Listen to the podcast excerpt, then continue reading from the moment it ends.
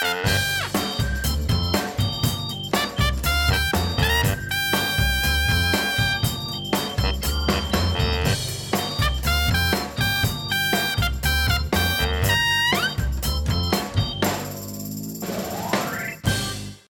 de CIP-redacteuren van uw belastingcenten hebben gechilled in Frankrijk, in Italië en in allerlei andere mooie vakantiestreken, gaan we weer aan de slag met de CIP-podcast. Maar je krijgt geen subsidie, hè wij? Nee, is dat zo? Nee. Maar ik vond het juist, ik vond het eigenlijk wel mooi klinken. Van nu SIP plus centen kan je dan beter zeggen, maar belastingcenten Ja. was maar zo. Ja. Precies, meld je aan. Ja, kijk, een goed begin. Nou, Dat, je- was, dat was de podcast, tot volgende week. maar wat wel klopte, is dat we hebben gechilled in eh, heel wat vakantiestreken. Ja, heerlijk. Ja. Jij, waar ben je geweest? Ik ben in eh, Frankrijk geweest, aan de kust. Ah, Ja, prachtig. Lekker Ja. aan het strand. heerlijk, heerlijk. Vistentjes bezocht. Heerlijk. Ik heb weinig gedaan hoor, moet ik zeggen. Ja, nou, dat, daar is vakantie voor, toch? Ja. En hoe heette die camping? Le Pan op Tol. Schaamteloos. We gaan even naar de reclame, dames en heren. Ga volgend jaar naar Le Pan op Tol. Oui, oui. Ja, waar zijn jullie geweest? Laten we eerst even zeggen wie hier zit, eh, Jeffrey, want we zitten ineens met drie man. Ja, Precies. Eh, jou kennen ze al, jij bent Patrick. kennen- Ja, ja. Ja. En, wie heb- en wie ben jij eigenlijk? Ik ben ook eh, Patrick, Patrick Goede. Twee Patricks voor me. ja. Vandaag voor het eerst. Mam, als je luistert, ik maak het goed. Kijk, mooi. Dus we hebben hier Patrick S en Patrick G. Yes. Mooi. En eh, Goed en slecht. Nee. Een Patrick- goede en een slechte, ja. Nou, dat vind ik wel prima. je weet dat de slechte mensen gered worden, de goede niet, hè? Oké, ik zeg niks. Ik zeg. Patrick G, we hebben jou niet zonder reden hier bij de podcast eh, uitgenodigd. Want een artikel voor jou is vorige week viral gegaan. En is zelfs eh, het best gelezen artikel tot nu toe van deze maand op CIP. Wauw. En dat gaat over een hele bijzondere man. En jij mag die man eens even introduceren. Over wie hebben we het? Ja, dat is Marty Simpson. Eh, Marty Sampson, moet ik zeggen. Ehm, ja, dat is een singer-songwriter. Ik, vind het, ik vind het echt een held. Hij heeft prachtige liederen geschreven. All I Need Is You ehm, is een van die bekendste. Ook een nummer dat ik ehm, al van jongs af aan luister. Ik weet nog dat ik naar eh, de conferentie op de Bron ging, de Herstelweek. En eh, daar hoorde ik dat lied, daar zong het voor het eerst. En dat was ook wel ergens een confronterend lied. Het ging over All I Need Is You. Hij zegt eigenlijk, eh, God, u bent het enige dat ik nodig heb. En eh, dat, dat wilde ik ook beamen en dat, dat geloofde ik ook en daar strekte ik ook mij naar uit. Maar het was ook zo dat ik toch ook wel op die conferentie dan eh, leuke dames zag lopen en dacht van, nou, eh, ik weet niet of ik het zonder vriendinnetje kan, dan kan ik het alleen met God. En eh, ja, dat, dan hield hij, eh, door die teksten hield hij wel een spiegel voor. En toevallig heb ik afgelopen week, eigenlijk tijdens mijn stille tijd met God, heb ik elke dag eh, het laatste nummer van hem, Elohim, eh, opgezet. Waar ik heel erg door opgebouwd werd. Zelfs die dag ehm, dat ik er dus achter kwam dat hij zijn Instagram-post plaatste. Waarin hij zegt van eh, ik ben oprecht mijn geloof aan het verliezen. Ja, daar gaan we inderdaad over praten. Maar je hebt het over Elohim. Ja, Zullen we even een stukje luisteren? ja laten, we, laten we even dat lied Ja.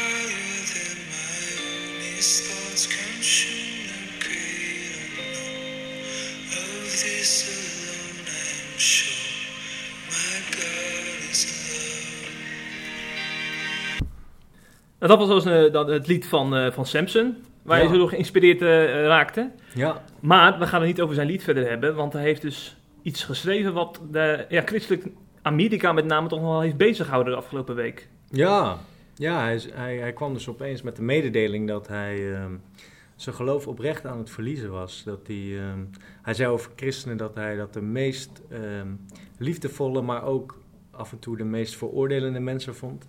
Dat hij en nooit iets hoorde over prekers of sprekers die, die vallen, maar dat het wel gebeurt. Eh, dat, er veel wordt ja, dat er ook weinig wordt gepraat over wonderen volgens hem. eh, en dat die ook vaak uitblijven.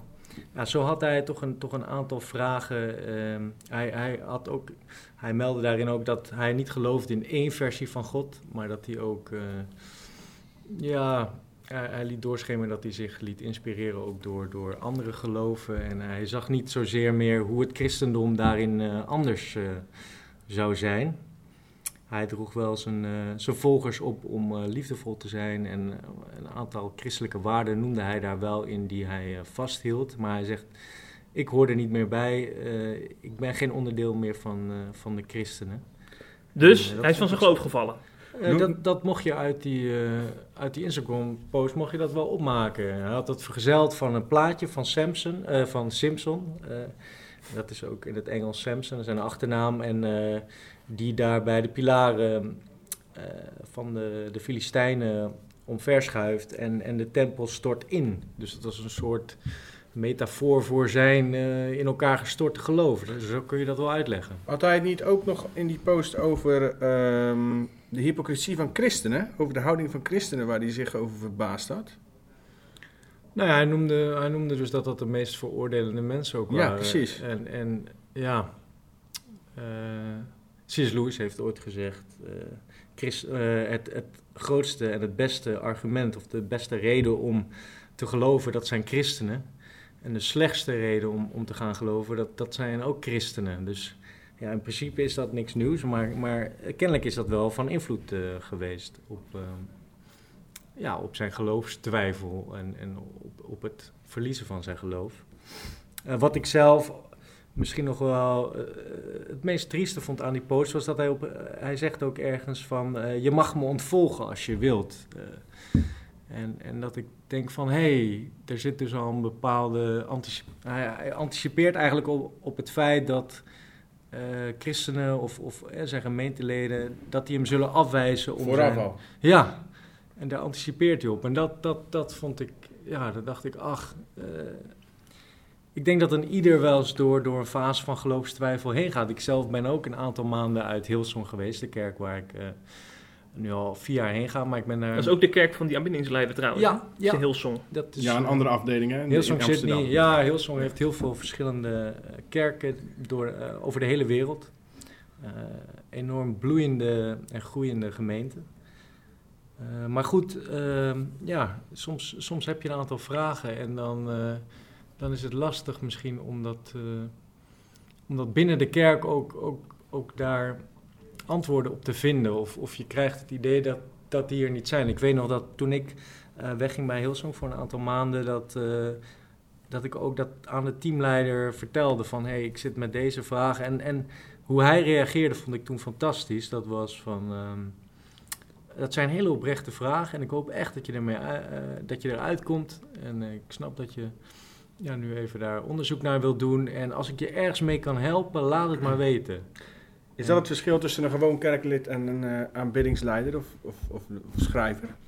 Dat ze op jou zo reageren en dat er op... eh, Nou, ik heb de reacties op hem gezien, die waren niet zo empathisch als die jij nu vertelt. Nou, die komen, die, ik moet er wel bij zeggen, die komen niet uit Hillsong. De reacties op hem er zijn vooral uit de christelijke wereld in het algemeen. Er is dan John Cooper, dat is dan eh, een eh, bandlid van Skillet.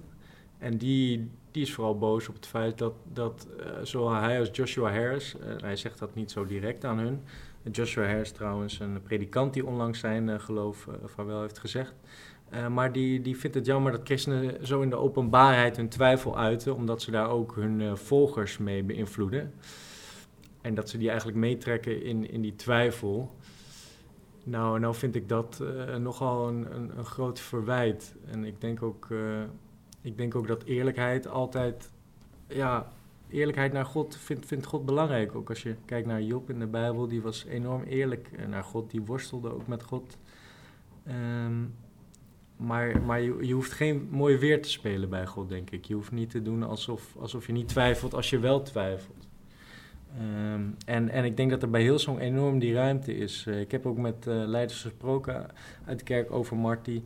En die zeiden ook van ja, uh, laten, we hem, laten hem lief hebben en er is alle ruimte om, eh, om, om je vragen te hebben. En ja, wie zijn wij om te zeggen van eh, dat mag niet? Of iedereen heeft een storm. Je, iedereen heeft soms een storm in, je leven, in zijn leven en eh, er komen soms dingen op je pad die je, die je niet direct kan uitleggen. En daar past ook een bepaalde nederigheid ten opzichte van, van de mensen om je heen en van je medechristenen in. Ja, dat heb je een goed punt, denk ik. Maar je hebt het nou over John Cooper, hè? Ja, Die heeft een hele kritische blog geschreven eh, Ja. over het feit dat die eh, Samson zo, eh, zoveel in het nieuws is. Want volgens hem is die worshipcultuur is die een beetje doorgeslagen. Want we hebben het eigenlijk vooral hierover omdat die, die, die worship leaders, die zijn zo invloedrijk. ja, En hij vraagt zich eigenlijk af, waar, is dat eigenlijk wel goed? Want worship leaders die hebben vooral de taak om, om door hun zang om emoties woorden te geven. Maar Ja. we behandelen ze nu alsof ze Obama en Trump eh, in één zijn. ja. ja, ik denk dat dat. Ik Ja. denk, Jij, jij snapt het niet helemaal volgens mij wat ik wil zeggen. Nee, ja, nee, ik hoorde Obama en Trump in één, maar dan ben je een heel vreemd persoon. Dan ben je heel veel invloedrijk, wil ik daarmee zeggen. Oh, oké. Dan zo. ben je een soort wereldleider. Oh, ja. Maar waarom, zouden we nou, waarom hebben we het eigenlijk over een man die een paar liedjes zingt op een podium? Ja, Waarom, Nou, ja, goed Nou, punt. ik, ik denk de kracht die, die uitgaat van die teksten. En dat zijn eh, nummers gebaseerd op, op bijbelteksten, hè, heel vaak. Het is niet dat, dat Marty dit nou allemaal eh, zelf allemaal verzint. Wat je ook net hoorde, dat waren gewoon eh, een aantal bijbelteksten achter elkaar over de liefde. eh, over dat eh, Gods wegen boven, Gods plannen gaan boven die van ons uit. Dat staat geloof ik in Jesaja. Dus er zit heel veel kracht. En ehm, wanneer je daar het gezicht van bent, dan word je daar ook mee geassocieerd. Maar het grappige is, en dat realiseerde ik mij dus ook.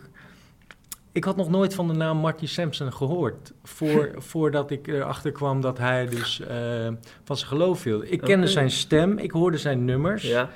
Maar die nummers stonden los van, van de artiest voor mij, altijd. En nu ik dus erachter kom dat hij bijna elk nummer wat ik fantastisch vond geschreven heb...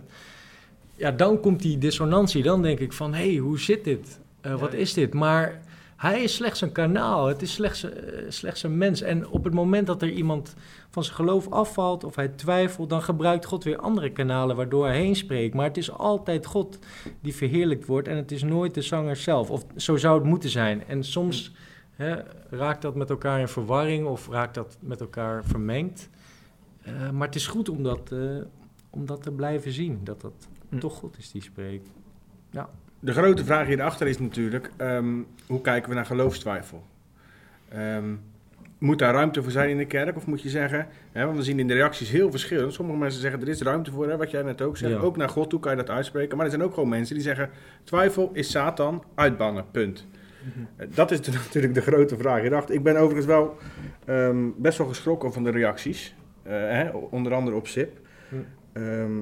Maar laten we eerlijk zijn, twijfelen jullie nooit? Je hebt het net al gezegd, Patrick. Ik ken geen mensen die twijfelt in mijn, niet, niet twijfelt in mijn omgeving. Ja, maar het is ook heel logisch. Want ja, een ezel die praat, een man die over water loopt, eh, iemand die, die dood is en weer opstaat. Het is natuurlijk, het gaat totaal tegen ons verstand in. Dus het- ja, ik zou zeggen, twijfel is menselijk. Waarmee ik niet zeg dat, het, ehm, dat je het maar moet omarmen.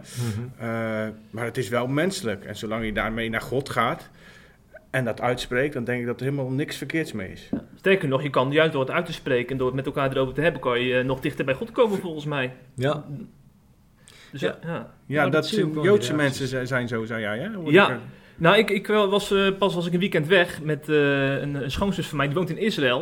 En die heeft daar heel erg de Joodse cultuur leren kennen. En zij is daardoor erg eh, die cultuur gaan waarderen, omdat ze daar heel, heel erg zijn van eh, het zoveel mogelijk hardop uitspreken van, van vragen die je hebt over, over wat er in de Torah staat en wat, wat God zegt. ja. Terwijl hier in het Westen je het juist heel erg andersom redeneren. Van alles, eh, alle vragen die je erover stelt, kan een hellend vlak zijn naar, naar Ja. uiteindelijk een ongelovig mens worden. Terwijl, ja, dat, dat, eigenlijk ga je dan heel erg angstig in je geloof staan. Terwijl eh, eh, de Joden heel erg meer van die stabiliteit uitgaan, van, van dat vaste fundament van de Torah. Dat is zeg maar de basis. En dan kun je er ook niet zomaar van afvallen als je daar vragen over stelt. eh, Ja, toch, precies. Aan de andere kant, ehm, ik heb een, eh, in de Bijbel staat het een en ander over twijfel. Hè? Eh, onder andere in de brief van Jacobus, wat volgens mij toch een Jood was. Hè? En die schrijft eh, in, het, in het eerste hoofdstuk: ehm, Wie twijfelt, die lijkt op een golf van de zee, die door de wind voortgestuwd en op en neer geworpen wordt. Want zo iemand moet niet denken dat hij iets ontvangen zal van de Heer. Hij is een dubbelhartig man, onstandvastig in al zijn wegen. Nou, dat is natuurlijk nogal wat. Eh, aan de andere kant kan je ook stellen, eh, je ziet dat Jezus verschillende malen in contact komt met mensen die twijfelen. Een vader van een bezeten jongeman, die echt heel erg twijfelachtig naar Jezus toe komt. Van, ah, nou, als u dan toch echt kunt helpen, maar je ziet de twijfel in zijn woorden, je hoort de twijfel in zijn woorden. Thomas natuurlijk, de twijfelaar bij uitstek. Ja. En Jezus veroordeelt die twijfelaar niet. Ik lees ook maar bij Thomas. Hij zegt wel, degene, zalig zijn degenen die eh, geloven zonder het te zien. Hè? Dus hij, hij, geeft, hij zet degene die in hem geloven zonder dat ze het zien op een voetstuk. Maar hij zegt niet, jij bent een klein gelovig of jij bent slecht of jij mag niet twijfelen tegen Thomas. Dus Jezus veroordeelt het weer niet. Dus de Bijbel is er ook een beetje Mhm. Ja. dubbel over, zeg maar. Het is niet dat je heel hard uit de Bijbel kan zeggen, je mag niet twijfelen of je mag wel twijfelen. Ja. Ja, en, en de vraag is denk ik ook of dit om existentiële twijfel gaat. Dus of, of het echt om geloofstwijfel gaat. Of om te kiezen waar je voor gaat of wat je zegt. En dat, dat vind ik wel weer sterk aan eh Marty. En dat hebben ook anderen in die comments eronder gezet. Van Mhm. ehm, je kunt beter koud zijn dan lauw. En het lijkt wel dat hij echt voor, voor kiest om nu die twijfel ehm, te communiceren. Dus dat is dan wel ergens weer, weer, weer heel duidelijk. Eh, en ehm, ja, hij wil daar gewoon ook eerlijk in zijn en oprecht. En ik denk dat dat, dat ook iets zegt over zijn hart. Ja.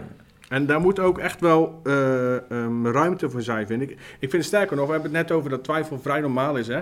Ehm, ik durf zelfs zo ver te gaan dat als jij zegt, ik heb nog nooit getwijfeld en ik twijfel nooit, dat je jezelf af moet vragen eh, of geloof wel zo'n belangrijke rol in je leven speelt. Hm. Maar als geloof een heel belangrijke rol speelt, als God een heel belangrijke rol speelt, dan ben je er ook over aan het nadenken en dan ga je wel eens twijfelen.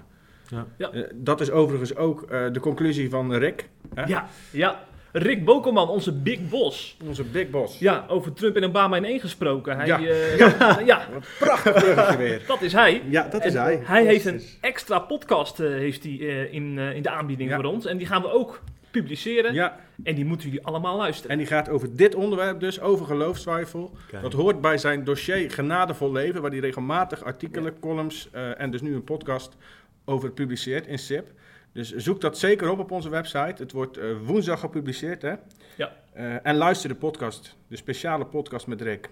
Absoluut. Wauw. Patrick G., ik ga je bedanken voor je bijdrage aan deze podcast. Graag gedaan. Super bedankt dat ik hier mocht zijn. Ja, Ik zou zeggen, luister nog vooral even dat nummer van Samson. Ja, het blijft krachtig, mensen. Absoluut. geniet ervan. Jij gaat weer naar rechts, naar onze redactieruimte. Ja, want Yes. er moet gewoon gewerkt worden, hè? Ja, Over rechts gesproken, Jeffrey. Geweldig! Ja, ja over rechts gesproken. Eh, dat is natuurlijk Forum voor Democratie. Dat kun je toch wel echt een rechtse partij noemen. En eh Bart-Jan Spruit, eh, een publicist, eh, die regelmatig ook in het Nederlands Dagblad eh columns schrijft, Historicus ook, hè? Niet Ja. vergeten. schrijft voor het CIP deze week een serie over drie politieke partijen. SGP, ChristenUnie en dus ook FVD. En met Beantwoord, FV beantwoord vragen, hè? Dat is wel, hij heeft, het is niet dat hij, hij beantwoordt. Ja, het zijn vragen. geen blogs. Ja, Nee, Nee, klopt. En eh, vorige week heeft hij afgetrapt met FVD. Ja. En ehm, ja, dat heeft nogal wel losgemaakt. Het best gelezen artikel van vorige week zelfs. En eh, misschien is het om, eerst om een beetje een beeld, eh, beeld te krijgen bij deze Bart-Jan Spruit goed om te vertellen wie die nou eigenlijk is, hè? Nou ja, dat heb je, je, hebt net al, je hebt hem net al geïntroduceerd natuurlijk. Het is een historicus, een, een denker ook, zou ik hem wel willen noemen. Ehm, een, een conservatieve denker dan, rechtsconservatief. Ehm, hij publiceert behoorlijk wat eh, in de christelijke media, maar ook in andere media hoor. Hij heeft bij behoorlijk veel gerenommeerde mediabedrijven columns gepubliceerd. We mogen zelfs wel spreken van een mediapersoonlijkheid inmiddels. Eh, en het leuke aan die man is dat hij eh, verre van politiek correct is. En, Hmm. en eh, altijd zegt wat hij denkt. Juist daarom is het zo leuk om deze serie met hem te maken. Ehm, nou ja, voor zover het nog niet duidelijk was, hij is enorm gecharmeerd van Baudet. Eh, daardoor wordt wel eens vergeten dat hij ook eh, SGP een warm hart toedraagt. Hij zei zelfs eh, in een van de artikelen, die is deze week verschenen volgens mij, dat hij lid is van de SGP, ook, ook stemt op SGP regelmatig. Lid van SGP en CDA, volgens mij. Beide lid van partijen. SGP en CDA, ja. Ja. Dat snap ik dan wel niet, zo'n laffe middenpartij, maar goed. maar Ja. goed, eh, CU zal die overigens geen lid van zijn. Eh, want daar heeft hij wel het een en ander op aan te merken. Maar Oh ja. dat Dat- zien we volgende week maandag. Kijk, nou dan kijken we nu al naar dan komt er weer een nieuw artikel met Ja, hem. ja. Eh, hij heeft gewerkt als politiek journalist bij het, Reformator- bij het Reformatorisch Dagblad ook. Ja, ja. Eh, dus die weet wel waar hij het over heeft en die heeft Hmm. wel verstand van politiek. Hm. En nou ja, we hebben hem gevraagd of hij mee wilde werken aan een, aan een zomerserie, een driedelige zomerserie, waarin die eigenlijk drie partijen besproken worden. SGP, ChristenUnie en Forum voor Democratie. En dat heeft nogal wat reacties opge- opgeroepen, zag ik op Twitter onder andere. En een van de citaten die vaak eh, terugkwam is de volgende. Bart-Jan Spruit zei namelijk, liever cultuurchristendom dan linkschristendom. Ja, dat was de kop boven het, kop boven het artikel ook. Hè? Ja. En dat, ja, dat, daardoor kwam het ook, werd het massaal gedeeld op Twitter ook. Ehm, ja, eh, kijk, hij ziet cultuurchristendom. eh, ik zal het even kort uitleggen. Ehm, ehm, dat is zeg maar iemand die de waarde van het christendom en van het christelijk geloof ehm, inziet, van de christelijke traditie, hè, die hij belangrijk vindt. Dus de, de, de waarden die erachter zitten. Maar tegelijkertijd zelf, niet persoonlijk, eh, in de waarheid van het christelijk geloof eh, gelooft, zeg maar. Mhm. Dus die gelooft niet dat Jezus zoon van God is, dat Jezus Messias is, maar wel de waarden die het christelijk geloof en de christelijke traditie in de loop der tijd, met name in Nederland dan in dit geval, hè, want in andere landen kan het weer net iets anders zijn. Ehm, die geloof die vindt die wel belangrijk voor onze maatschappij. Nou, Baudet is zo iemand, hè, Forum voor Democratie is, is zo iemand, of is zo'n partij. Althans, eh, nu zeker, want degenen die het daar niet mee eens zijn, zijn nu weg. Ja, en de partij van Henk Otte. Henk Otte, ja. Precies. En dat is wat hij ziet als, als, als cultuurchristendom. Aan de andere kant heb je dan, of aan de andere kant, eh, de andere kant van de titel is linkschristendom. Ehm dat legt hij niet verder heel goed uit, maar ik kan wel ongeveer duiden wat hij daarmee bedoelt. Eh. Dat is namelijk precies andersom. Dus dat zijn mensen die wel de waarheid van het christelijk geloof inzien, eh, maar tegelijkertijd, volgens hem, ik ben het er overigens wel mee eens, eh, tegelijkertijd eh, niet de waarde van de christelijke traditie en cultuur inzien. Ja, ja. Dus het niet zo heel belangrijk vinden dat de christelijke cultuur in Nederland behouden blijft. Hm. Eh, en hij ziet, hij, kijk, de partij die dat volgens hem doet is natuurlijk ChristenUnie. Die, wat overigens een uitgesproken linkse partij is. Bob Blokhuis zei het zelf hè, in, In trouw. in Trouw, dat, dat, hij, dat hij er trots op is ook. Ehm, overigens haalt Spruit in het artikel over CU ook snoeihard uit naar, naar, naar die partij en naar het Blokhuis. Hm. Hij zegt, hij heeft het over morele verhevenheid. Eh, en hij noemt Blokhuis een vreselijke politicus. Goeiedag. Ehm, en hij zegt nog iets over, een, dat komt dan uit het artikel wat nog gepubliceerd gaat worden, maar dat is wat meer om het linkse christendom te duiden in zijn ogen. Eh, je kunt je voorstellen, dit is een citaat, je kunt je voorstellen dat mensen op een gegeven moment zullen gaan denken, wat maakt het nu eigenlijk uit of ik op CU stem of op PvdA of GroenLinks? Materieel maakt het niet zoveel verschil meer en de discussies over onderscheidende onderwerpen, zoals bijvoorbeeld medisch-ethische zaken, hebben we toch definitief verloren. Eh, ik vermoed daarmee, hè, dat, dat, kunnen we eigenlijk wel stellen, dat het linkse christendom waar Spruit het over heeft, dat, dat koppelt hij aan eh, progressief anti-christelijk beleid van partijen als GroenLinks.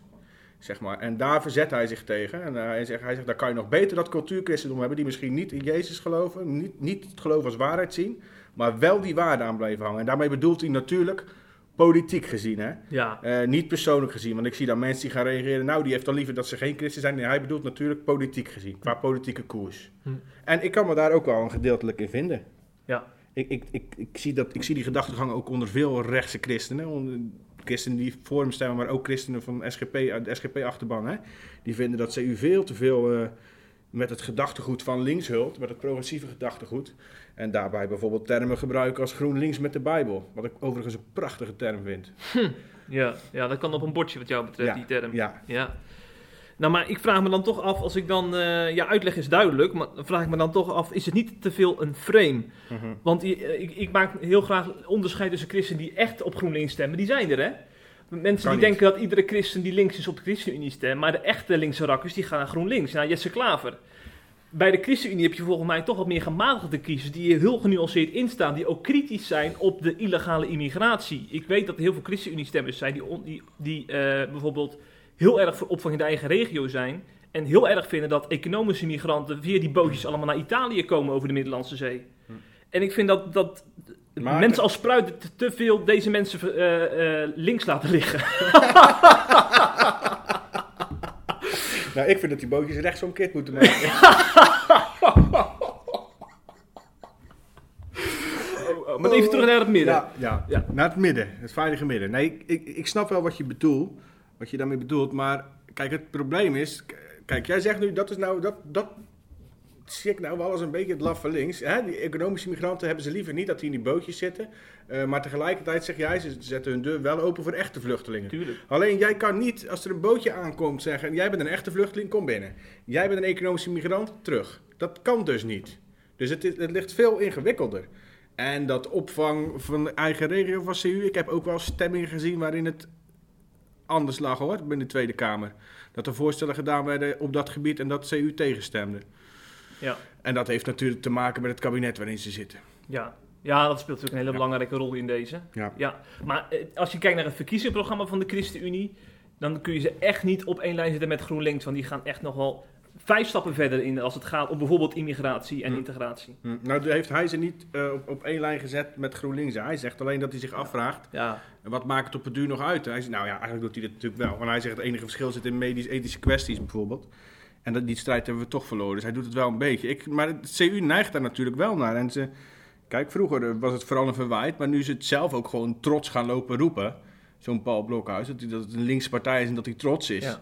En eh, kijk, als iemand als Carla Dick Faber. Dat is, dat, ja, alles is links aan die vrouw. Voor Hm. mij schrijft ze zelfs links. hm, de linkerhand. Ja, Ja. Nee, maar ik kan ook niet ontkennen dat dat soort mensen ook echt een bepaalde positie innemen. Maar ik, ik, ik vind dat we niet moeten vergeten dat er ook een, ook een eh, partij als de ChristenUnie heeft flanken. Ook daarin zijn kiezers die bijvoorbeeld op een partijdag moties indienen die nogal kritisch zijn op het, op het eh, coalitiebeleid en eh, een rechtse koers willen. Ja, ja, ik denk dat dat, dat, dat zou eh, Bartja Spuit ook absoluut erkennen. Ehm, alleen het punt is natuurlijk gewoon om even terug te gaan naar het artikel. Ja. Dat hij gewoon zegt, eh, politiek gezien, eh, met nadruk op politiek gezien. ehm, ik heb gewoon liever dat, eh, een- een partij die dan dat cultuurchristendom aanhangt. Ja, ja. Eh, zodat onze christelijke waarden behouden blijven. Hm. Dan een partij die, eh, die niet zoveel heeft met dat cultuurchristendom, hè, met, die, met die christelijke eh, traditie. en die eigenlijk overboord gooit. Nou ja, nou, dit zijn mijn woorden, hè, om Ja. te deugen. en om mensen op te vangen en om de stroom immigratie toe te laten, enzovoort, enzovoort. Hm. Eh, ja, ik zie dat, ik snap dat wel. Ik denk dat ik het ook wel daarmee eens ben, dat ik dat ook liever heb. Maar nogmaals, politiek gezien. Dat betekent niet dat je liever een niet-christen hebt die christelijke dingen belangrijker vindt, hè, persoonlijk. Nou, Het gaat Ja. echt politiek, gaat over politieke koers. snap ik. En dat vind ik wel een belangrijke nuance die je niet altijd terugziet. Hoe ver zijn we? Hoe bedoel je, hoe ver zijn Dat we? jij ook eens zitten kijken. Nee, we we gaan nu echt naar het volgende item, anders duurt het Ja. te lang. Dat, we waren al Ja. klaar. Ja, daarom. Ja. Bart-Jan Spruit zit misschien wel ook eh, vanavond voor de buis. Want ik neem aan dat ook hij tegenwoordig Netflix heeft. Iedereen heeft dat tegenwoordig. Heb, heb je ook Netflix? Ja, uiteraard. Ja. En daar kun je prachtige documentaires op bekijken. ja, hè? ja, er zijn heel veel leuke series, maar heel leerzame series ook inderdaad. Mensen zien, praten soms over Netflix alsof het alleen maar, eh, eh, nou ja, duivelse series zijn, lees ik soms zelfs onder, eh, onder artikelen van ons, in reacties. Maar er zijn natuurlijk hele mooie natuurfilms staan erop, natuurseries staan erop, hele mooie documentaires. En een van die documentaires is eh, The Family. Ja. Eh, die is recent uitgekomen, wordt met heel veel bombardie aangekondigd, alsof er een enorme wereldwijde secte werd, zou gaan ontmaskerd worden. Dat viel allemaal wel mee, overigens. Ik, ik, ik heb die documentaire gekeken. Ik zal eerst kort vertellen wat, wat de Family nu precies is. Dat is een, eh, een christelijke beweging, ehm, die al, een groep christen, die eigenlijk al sinds, al voor de Tweede Wereldoorlog is ontstaan, in de jaren 30 uit mijn hoofd. Ehm, in Amerika, in de Verenigde Staten. Opgericht door een Noorse immigrant trouwens. Ehm, en dat is een beetje een aparte groepering die eigenlijk door middel van die de overtuiging heeft dat je het evangelie kunt verspreiden door middel van macht. En daar zit dus achter, ehm, als de leider zich bekeert tot Jezus, als een koning zich bekeert tot Jezus, volgen de onderdanen vanzelf. Dus die Mhm. hebben in de loop der jaren, in de loop der decennia zelfs, hebben ze geprobeerd om macht uit te oefenen ehm, op regeringsleiders. Eerst in Amerika, maar ook de rest van de wereld. Dat is overigens ook gelukt.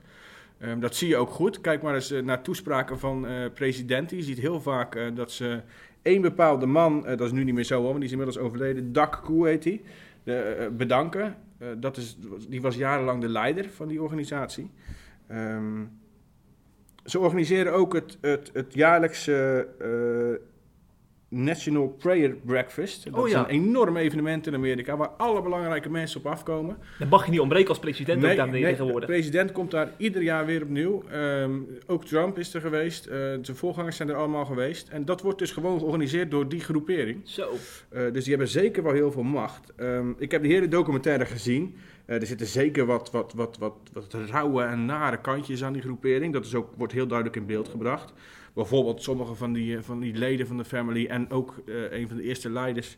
ehm, die waren een beetje geobsedeerd door, door mensen als Hitler en Mao. Eh, en dan door de wijze waarop ze hun macht wisten te vergaren. Dat vonden hun eh, mooie wijze. Dat wouden ze bijna Die nabootsen. hebben ze letterlijk aangehaald, die Ja, mannen. ja, ja, meerdere keren. Eh, en dan de manier waarop ze hun macht vergaren. hè. Dus niet hun gedachtegang, maar ja. de manier de, de, de tactiek waarop ze hun macht vergaren. Juist. Maar goed, dan nog. Macht is echt ook het centrale woord hè, voor hun. Macht is de manier voor hun om het evangelie te verspreiden. Ze, ze zagen Jezus ook als zo'n persoon die van macht hield.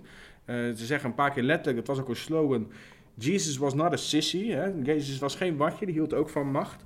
Ehm, aan de andere kant eh, heb ik ook gezien in die documentaire dat ze, ze gaan natuurlijk gewoon heel ver en ze gaan veel te ver in hun obsessie voor macht. En eh, ze gaan talloze keren over de scheef. Ja, hoe, hoe dan? Eh, nou, bijvoorbeeld door macht belangrijker te vinden dan God en dan Jezus. Oh, ja. En bijvoorbeeld doordat er eh, seksuele affaires plaatsvinden die ze vervolgens onder het tapijt schuiven en Mm. bedekken.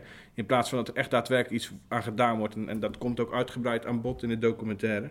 Aan de andere kant zijn, ze, eh, zijn er ook genoeg positieve punten. Ze zijn namelijk belangrijk geweest in het verdedigen van de christelijke waarden. Dat komt natuurlijk Ja. juist door die macht. Ehm, het is een hele boeiende documentaire, maar het grote nadeel vind ik dat er eigenlijk nauwelijks iets bewezen wordt over wat ze eh, beweren. Dus er, komen een beetje vage aanwijzingen en niet hele duidelijke bewijslasten, zeg maar. Het gaat vooral over één persoon, de schrijver van twee boeken, die kom ik zo nog op terug. Hm. Eh, en die leider waar ik net al over had, die Daku, ik weet niet of ze nou goed uitspreekt trouwens. Ehm, dat is of een echt eh, oprechte man die in Jezus geloofde, of hij heeft mij dwars door het beeldscherm heen gemanipuleerd ook. Want ik, Mhm. eh, ik, ja, de beelden die ik gezien heb, is het echt een oprechte man die vol van Jezus is, die niet graag in de publiciteit komt. Eh, en iedereen spreekt ook vol lof over hem. Dus een secte vind ik het allerminst. Eh, eerder een groep gelovigen die, die oprecht ergens in geloven. Of het nou goed of fout is, gaat nu even niet om. Hè? En, en daar een beetje in doorslaan. Of in doorslaan, laat een beetje maar weg. Hm. Ja, ja. Omdat hun ideaal gewoon boven alles staat. Mhm. Ja. Maar goed, het is natuurlijk ook wel. eh, het komt natuurlijk heel dicht bij de scheiding van kerk en staat. Als je in, dat geldt in Amerika ook. Of religie en staat moet je tegenwoordig zeggen.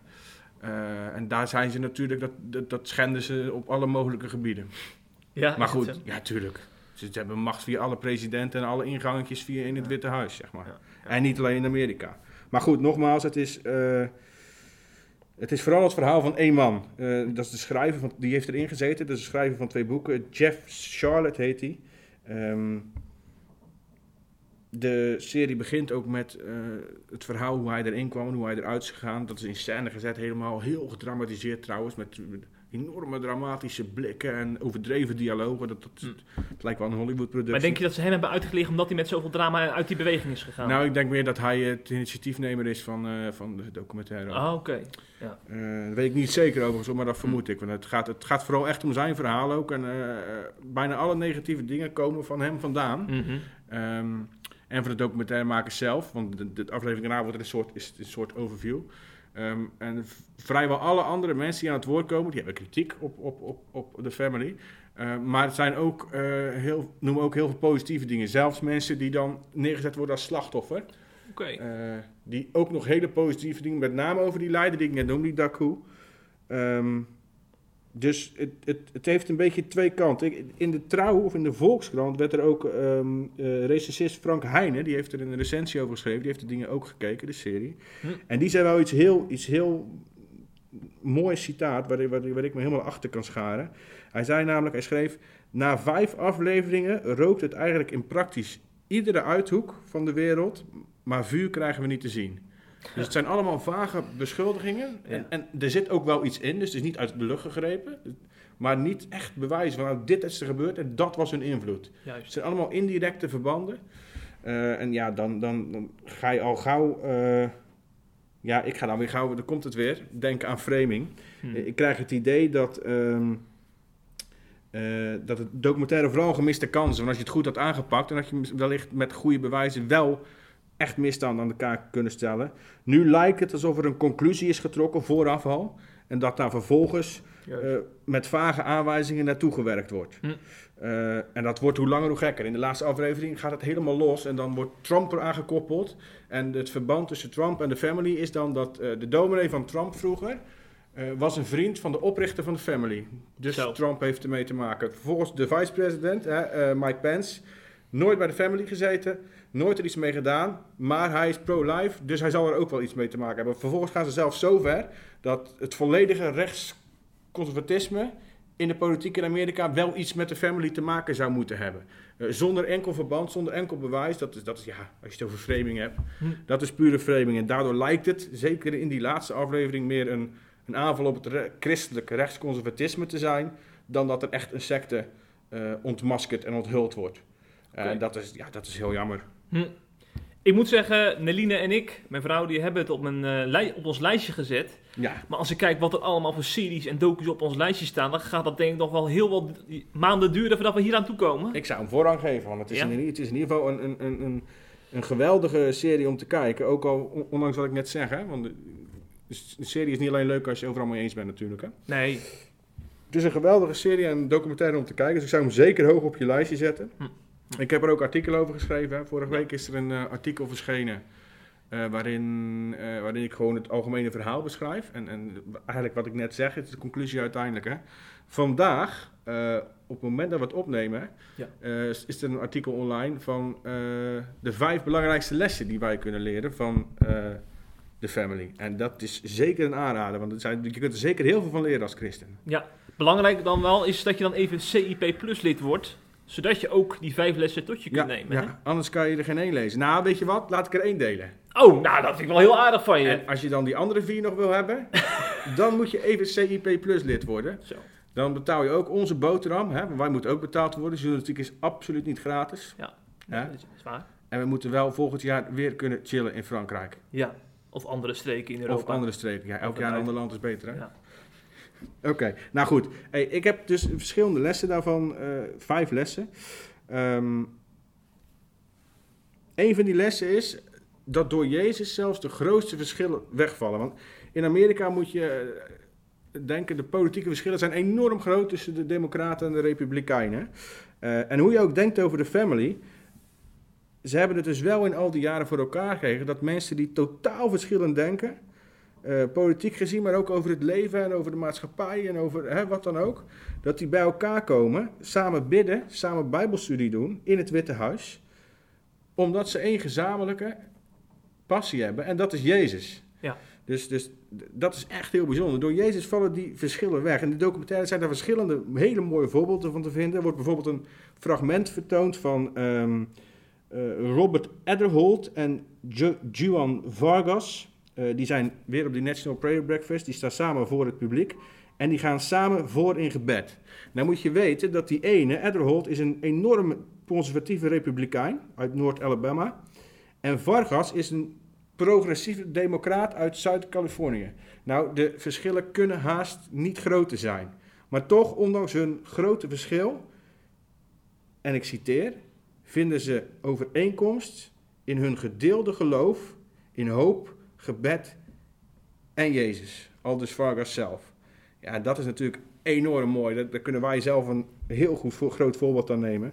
En laten wij nou ook eens onze verschillen overwinnen. Hè? Christenen kunnen totaal verschillend denken over kerkgang, over seksualiteit, over homoseksualiteit, over kleding, over materialisme, over opvoeding, noem maar op. Hè? We weten al die onderwerpen, we schrijven er elke dag over. Ehm, maar ondanks al die verschillen kunnen we elkaar misschien vinden in Jezus. En dan vallen misschien die verschillen weg. En daarom kunnen we ook wel zeggen dat Jezus, zeg maar, met eerbied gesproken, de gemeenschappelijke deler is. En als we ons daarin gaan verbinden en wat minder focussen op die verschillen, eh, dan kunnen we als christen veel beter samenleven. Dan zijn er misschien ook veel minder kerkscheuringen nodig, Jeffrey. Zo, zeg dat wel. Mooie les, toch? Absoluut. Ook eh, in voorbereiding op de eh, synodevergaderingen van de CGK, die ook waarschijnlijk die verschillen weer gaan uitmeten Ja. de komende najaar, Ja.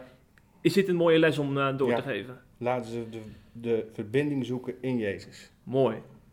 En dat gaan we ook doen in onze artikelen de komende tijd. Ja, En eh, ja, ik zou zeggen, Patrick, wees er volgende week weer bij, want we gaan weer elke week een podcast maken. ja, we zijn even drie heerlijk. weken eruit Ja, geweest. Heerlijk, eindelijk Maar nu- weer hè? Kun je niet meer eh, van ons afkomen hoor. Nee, gelukkig.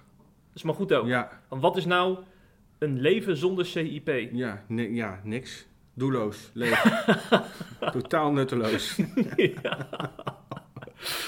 Tot volgende week. Ja, tot de volgende keer. Hoi hè.